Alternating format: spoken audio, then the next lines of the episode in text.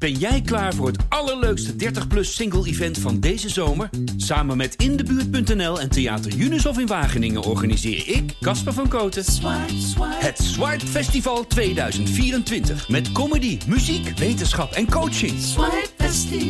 Maar vooral heel veel leuke mensen. Bestel nu je kaart op swipefestival.nl. Swipe, swipe.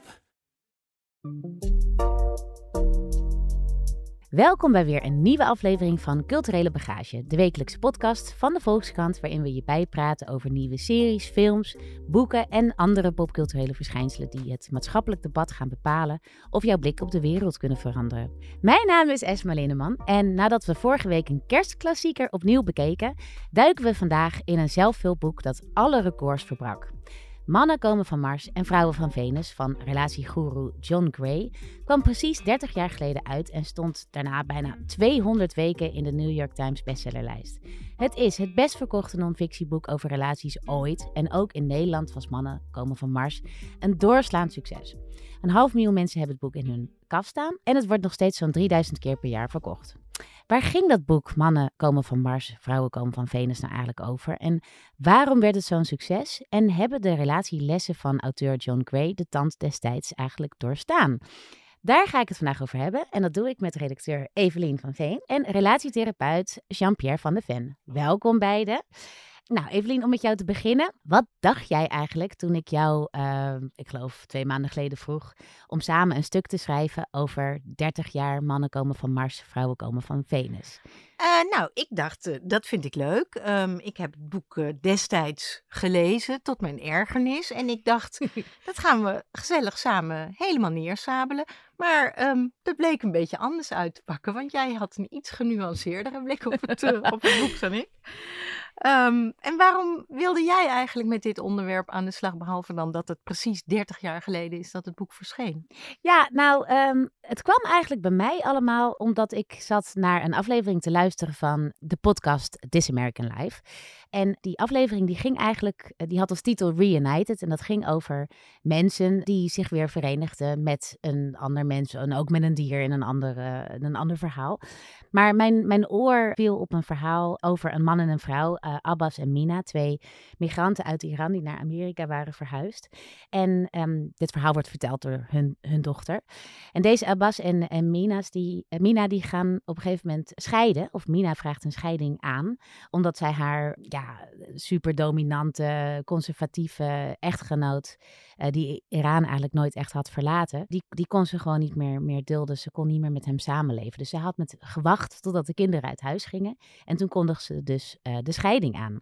En wat er dan vervolgens gebeurt, is dat die Abbas, in een, nadat hij aanvankelijk anderhalf jaar helemaal radeloos is, gaat hij op een soort ja, zelfonderzoek uit. En uh, nou ja, dat laat ik eventjes horen. He joined a gym. He had no food in his refrigerator. He was always at work, at his dry cleaning business. And if he did have any free time, he spent it reading that most American of genres. I actually I read a lot of book about relationship between men and women. I want to give myself more knowledge what I did wrong if I want to go to have a relationship with other lady. I can't believe I'm saying this, but Men Are From Mars, Women Are From Venus changed my father's life. It's hard to imagine my dad sitting in his. Um, nou ja, dus um, deze man, uh, die begint dus mannen komen van Mars, vrouwen komen van Venus te lezen. En hij leert daar dan dus in dat hij naar zijn vrouw eigenlijk vooral veel beter had moeten luisteren. En hij wil ook beter gaan luisteren naar alle vrouwen die misschien nog in zijn leven komen. Of zijn ex-vrouw mocht ze bij hem terugkomen. En op, op een avond belt zij hem dan en... Um, nou ja, dan is het dus eigenlijk heel verdrietig en ze voelt zich alleen. En dan besluit hij dus voor het eerst in zijn leven om naar haar te luisteren. En zij nodigt hem vervolgens uit en dan luistert hij weer een hele avond. En wat er dan gebeurt is dat deze twee mensen die al lang gescheiden zijn, die komen dus weer bij elkaar. En die trouwen voor de tweede keer. En uh, dat wordt allemaal verteld door, door, door de dochter, die ook heel grappig vertelt dat ze niet naar de bruiloft van haar ouders is gegaan en hem heeft geboycott, omdat ze het allemaal maar belachelijk vond. Dat haar moeder eindelijk vrij was gevochten van haar, haar dominante vader en dat, dat ze nu opeens weer met hem ging trouwen. Maar voor deze twee mensen pakte het heel goed uit. En zo kwam ik eigenlijk een beetje op het idee van, goh, wat is dit boek nou eigenlijk? En toen zag ik dat het 30 jaar bestond. En toen vroeg ik me gewoon af, zou dit voor andere mensen ook een impact hebben gehad? En hoe kijken wetenschappers en ja, relatietherapeuten daar nu op? En wat is nou voor de luisteraars thuis de boodschap van mannen komen van Mars, vrouwen komen van Venus. Als het al niet in de titel Mm, is nou, voor mij zijn er een paar van die gestolde clichés overgebleven. Namelijk, eh, mannen willen problemen oplossen, vrouwen willen erover praten, in de volksmond klagen of zeuren. Vrouwen gebruiken taal om hun relaties te bestendigen, dus gezelligheid, verbinding.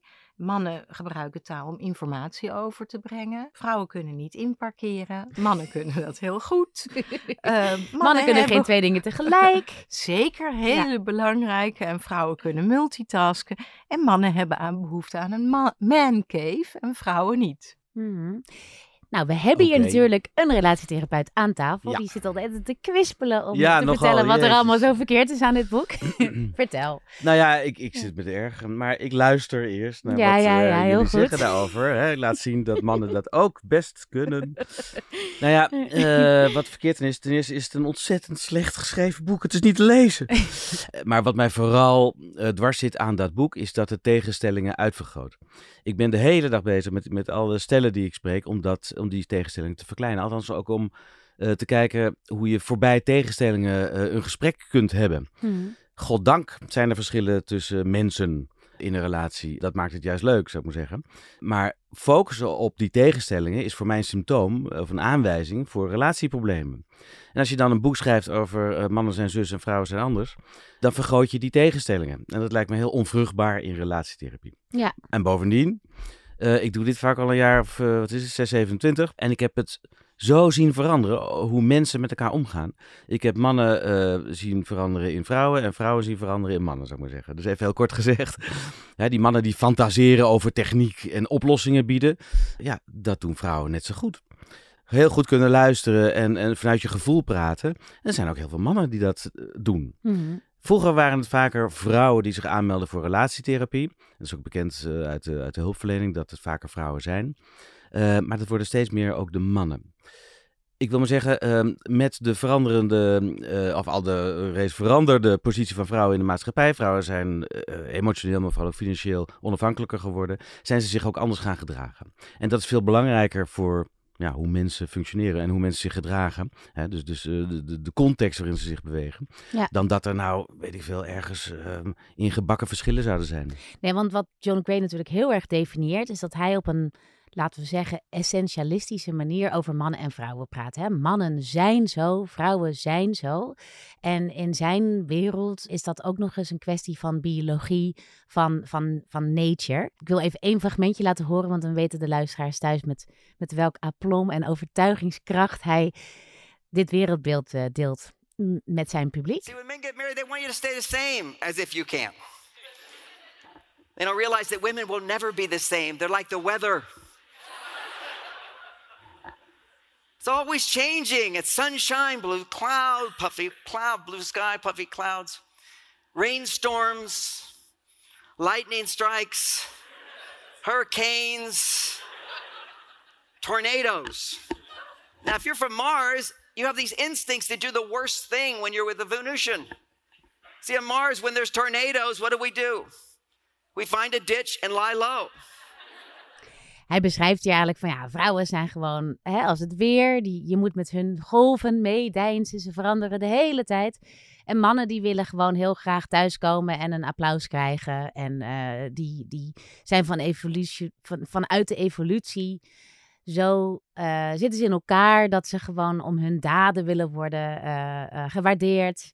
En, en vrouwen hebben allerlei gevoelens en daar moeten mannen gewoon de hele tijd begrip Ja, eigenlijk ik- ik voor hebben. En jij wordt gewoon helemaal onpasselijk hier aan nou tafel. echt, want ook als je kijkt naar de evolutie waar hij, ja, waar hij zich op beroept, dat, dat is ook allemaal geschreven vanuit die blik van Ja. er zijn verschillen tussen mannen en vrouwen. De- er verschijnen tegenwoordig heel interessante boeken over ehm, hoe mensen echt in elkaar zaten, waarschijnlijk. Um, The Beginning of Everything is bijvoorbeeld zo'n boek. Ja. Waaruit blijkt dat, dat er heel veel verschillen zijn in, in hoe mensen hun maatschappij hebben ingericht. Dat er heel veel verschillende manieren zijn waarop mannen en vrouwen met elkaar omgaan. En waarbij het helemaal niet zo belangrijk was of je nou man of vrouw was, et cetera. Dus ja. Dus ook het hele idee van een evolutionaire uh, ja, zekerheid over mannen en vrouwen, dat wuif je eigenlijk ook gewoon helemaal weg.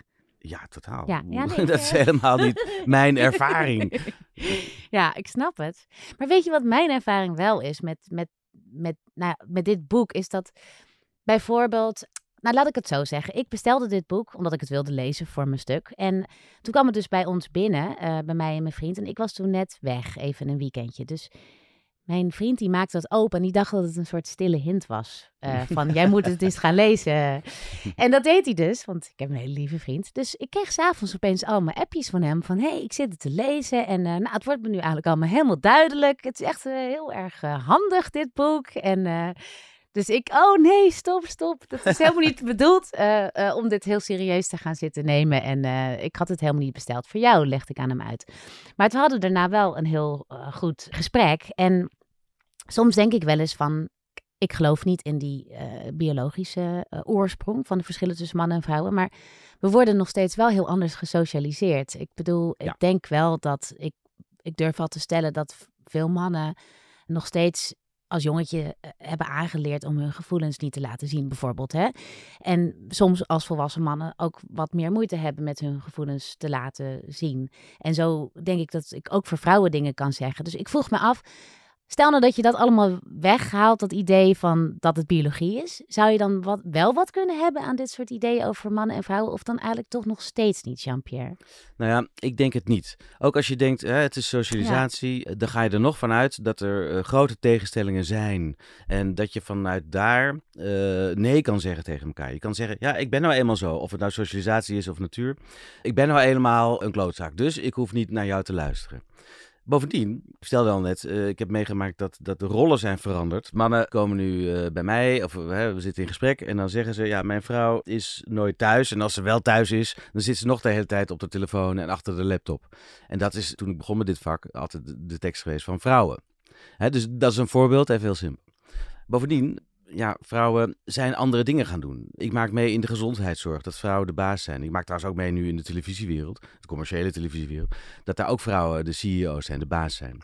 En die gedragen zich precies hetzelfde als, als elke CEO, of dat nou of een man of een vrouw is. Ja. Dus binnen een generatie kan het al veranderen. Dus het is eigenlijk heel erg de rollen die je ook wordt toegeschreven in de samenleving bepalen soms ook je gedrag heel erg eigenlijk. Dat wil ja. ik maar zeggen. Ja. Als je ervan uitgaat, ik zit op een bepaalde manier in elkaar, hoe dat ook komt, en dat is onveranderlijk, ja. En dan kun je voet bij stuk houden. Maar de praktijk is dat je ja, heel snel kunt veranderen. Ja. Nou, dat vind ik wel interessant wat je zegt. Want ik dacht bij het schrijven van dit stuk wel de hele tijd. Uh, kijk, de discussie bij Gray is meer van waar komt het nou door die man-vrouw verschillen? Want dat ze er zijn, is evident. Ja. Maar wat mij uh, voornamelijk stoort aan zijn boodschap, dat hij uh, steeds maar de boodschap verkondigt dat dat aanleg is en dus onveranderlijk. Ja. terwijl in de wetenschap de consensus echt wel is dat dat veel meer, als ze er al zijn, man en vrouw verschillen, een kwestie is van cultuur en socialisatie. Maar wat Jean-Pierre nu zegt, dat die man-vrouw verschillen eigenlijk ook verdwijnen uh, op bepaalde posities in de maatschappij. Dat betekent dat we daar eigenlijk nog verder van af zouden moeten stappen. Ja, toch? dat denk ik ook. En ik moet ook denken aan. Ik, uh, een enorme aanrader voor iedereen uh, thuis. Maar er zit een scène in de film She Said. over de twee journalisten die Harvey Weinstein eigenlijk hebben ontmaskerd, zeg maar. En dat is een heel ingewikkeld journalistiek proces geweest. waarin beide vrouwen helemaal werden opgeslokt. En er zit een scène in dat een van die twee journalisten zit dan te werken thuis aan de keukentafel. En haar man die probeert aan haar te vertellen iets over een schema. Of van, weet je, wat, dat de boodschap gedaan moet worden of zo. En hij merkt gewoon dat ze het niet luistert. Dus op een gegeven moment zegt hij van ja, en ik ben trouwens ook vreemd gegaan. En uh, nou, ik heb echt nu een hele leuke minnares of zoiets. En dan zegt ze, uh -huh, ja, ja, ja, weet je. Dus hij zit gewoon totaal niet naar hem te luisteren. En dat is waar we nu zijn aanbeland. Dat vrouwen zich als mannen kunnen gedragen en mannen als vrouwen, toch? Ja, dus dan nou is inderdaad. Ja, Nou, mensen gedragen zich als mensen. Maar, Ja. maar jouw punt is, hè, we moeten niet eh, eh, van rollen veranderen en verder niks veranderen. Ja, dat is het ook. Ja, ja.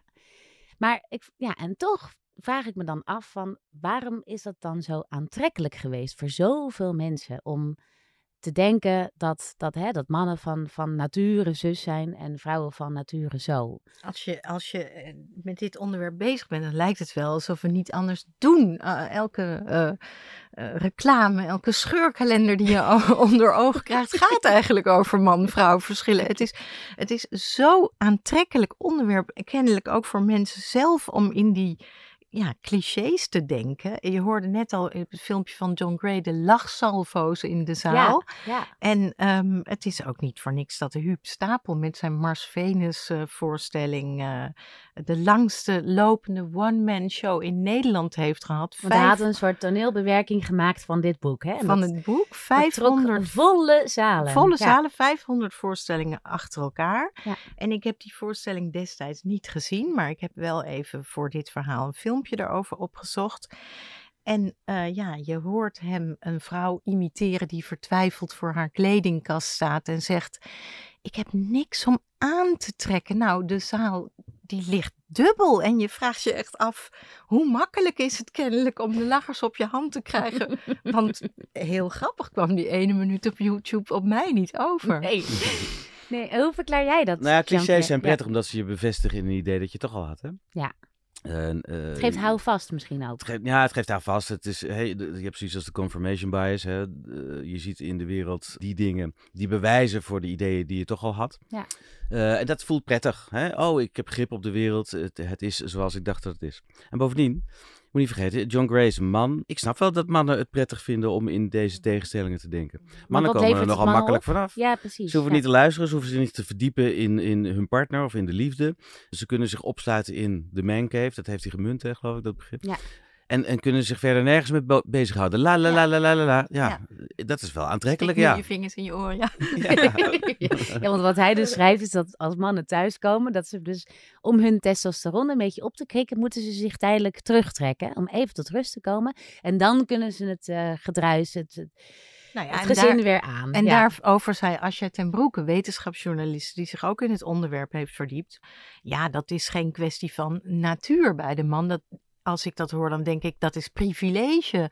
Als ik met een huilbaby op de bank zit als moeder, dan zou ik ook wel een mancave willen hebben om me in terug te trekken. Maar dat kan ik me niet permitteren, omdat hij dat al doet. Ja, Dus is dat een kwestie van aanleg of is dat een kwestie van rolverdeling? ja, ja. Nou, Ja, dan ik denk denk, ik dat laatste. Nou, en eh, ik maak dus ook veel vrouwen mee die hetzelfde probleem hebben. Die komen dan thuis. En eh, de man heeft de papa-dag gehad. Of, of is gewoon aan de beurt geweest, zou ik maar zeggen. Met, met kinderen. En die wil die kinderen droppen. En eh, weet ik veel wat gaan doen. Maar zij wil even bijkomen. Ja, natuurlijk. Want ze komt net uit de trein. Of ze heeft een drukke dag gehad. Weet ik veel wat. Iedereen die eh, een, een dag in de kantoorjungle heeft overleefd, wil even Ja. zich terugtrekken. Ja. Lijkt me wel. ja, oké.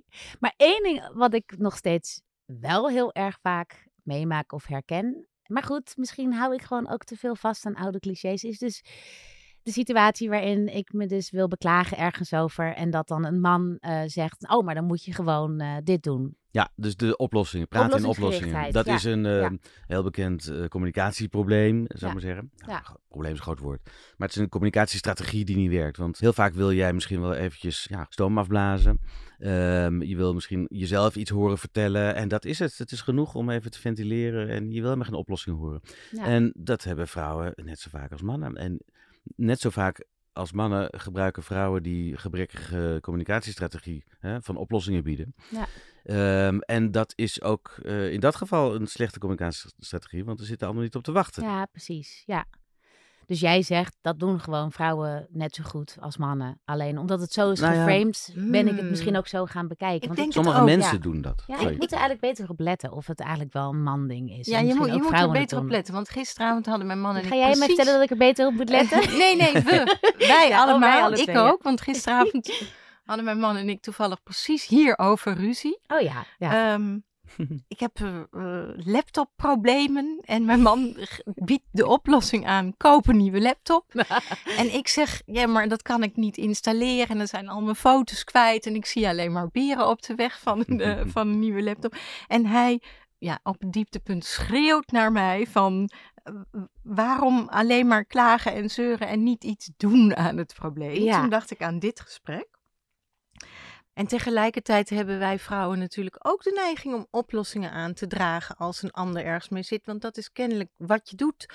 Als mijn man vertelt over dingen op zijn werk waar hij tegenaan loopt, dan ehm, zeg ik, dan moet je dit of dat doen, of je moet het zus of zo aanpakken. En dat doet hij dan niet. Drie weken later hebben we precies hetzelfde gesprek. De functie is namelijk gewoon even stoom afblazen. Dat hebben mannen kennelijk dus net zo goed als vrouwen. Ja, ik denk, ik, Ja. ik kan me zo voorstellen dat je, dat heb ik tenminste zelf, dat ik ook oplossingen wil aandragen om mijn eigen gevoel van machteloosheid op zo'n moment eh, hè, weg te nemen. Oh, dat is een mooie, ja. Ja, dat is als, je goed ziet dat iemand heel verdrietig is of, of heel erg ontdaan, dan wil je ook iets doen, omdat je, omdat je dan ook weer controle hebt daarover. Ja, en je- Terwijl, ja, Sorry dat ik je onderbreek, maar dat komt ook uit een goed hart, hè? Je Ja. wil iemand helpen, dus. Ja. Ja, ja. Dus- god. ja. Ik, ik laat mensen vaak het bijhouden. Hè? Dus ik vraag aan, aan de stel, ga nou samen kijken eh, hoe vaak eh, bijvoorbeeld deze communicatiestrategie voorkomt. Hoe vaak ga je in oplossingen praten terwijl dat niet eh, handig is. Nou, dan komen ze terug na een paar weken en dan ja, doet hij dat eigenlijk net zoveel als zij. Ja, dus ja. je hebt het idee dat, dat alleen mannen dat doen, maar als je gewoon gaat bijhouden, gaat registreren hoe vaak het gebeurt, dan dat, doet een vrouw dat net zo vaak. Ja, luisteraars thuis. Het is wel interessant om een keertje in een week te doen en op de koelkast de uitslag te hangen. Ja. Maar oké, maar, maar in jouw praktijk, Jean-Pierre, wil jij zeggen dat er geen enkel verschil is tussen mannen en vrouwen? Of zie je toch wel nog patronen die bijvoorbeeld kunnen voortkomen gewoon uit de samenleving waar we in zitten? Nou ja, inderdaad. Ja. Ehm, eh, als vrouwen minder betaald krijgen en als vrouwen eh, vanzelf, of a- als vrouwen eh, vanzelf de, de, de zorg voor de kinderen op zich nemen, omdat ze denken dat het zo hoort. Ja, dat, dat eh, is wel socialisatie. Ja, dat Ja. zijn wel verschillen inderdaad. Maar het wordt echt steeds meer. Ik, ik zie ook heel veel jongens stellen. Die, die praten niet eens meer over papa en mama dag. Maar die ja, hebben gewoon de taken verdeeld, weet je wel. Ja. En die hebben dan wel eh, ruzie over de taakverdeling. Over, eh, omdat ze het eh, communicatief niet handig aanpakken. Maar dat is op basis van gelijkwaardigheid. Dat zie ik toch echt wel steeds meer. Dus ik denk niet meer in die verschillen. En daardoor zie ik ze ook niet per se als verschillen tussen mannen en vrouwen. Dus eigenlijk concluderend kunnen we wel stellen dat dat hele uitvergroten van man-vrouw verschillen meer kwaad heeft gedaan dan goed. Eh, ja, inderdaad. Ja. Ja. Eh, omdat het de tegenstellingen nogmaals vergroot. Nou, jij zei in het gesprek dat wij voor de ehm, mensen die met het boek bij wijze van spreken in de hand binnenkomen, of in ieder geval geneigd zijn om de verschillen uit te vergroten, die zijn op oorlogspad. Die willen eh, elkaar om de oren slaan met de waarheid. En tegelijkertijd denk ik dat het misschien in een bepaalde fase van je leven ook wel een functie kan hebben. Misschien juist die functie. Gisteravond ging mijn eh, dochter van 18 voor het eerst op dubbeldate. Oeh. En eh, eh, eh, ze kwam samen met die vriendin eh, redelijk vroeg eh, weer thuis, want het is gewoon een schoolweek. En eh, ja, het enige wat ze deden wa- was eh, mopperen en klagen over de jongens. Die eh één jongen had gezegd, ik stuur wel een tikkie. Nou, dat was natuurlijk helemaal fout geweest, want Nee. hij had horen te betalen. En daarbij waren die twee andere jongens vrienden in de stad tegengekomen en daarbij blijven hangen. Terwijl ze hadden hun naar huis moeten brengen. Oh jee. Dus ja, jeetje, 30 jaar geleden ergerde ik me dood aan John Gray. Maar aan dit gesprek gisteravond ergerde ik me ook wel een beetje. Want hoeveel zijn we dan opgeschoten? Ja, vrij weinig. Ja, ja. Dit was Culturele Bagage. Volgende week hebben we een weekje vakantie, maar in januari zijn we hier weer terug. Montage en redactie Sophia Robben, eindredactie door Carine van Duin. En wil je de journalistiek van de Volkskrant nou steunen? Ga dan voor een abonnement naar www.volkskrant.nl slash podcastactie.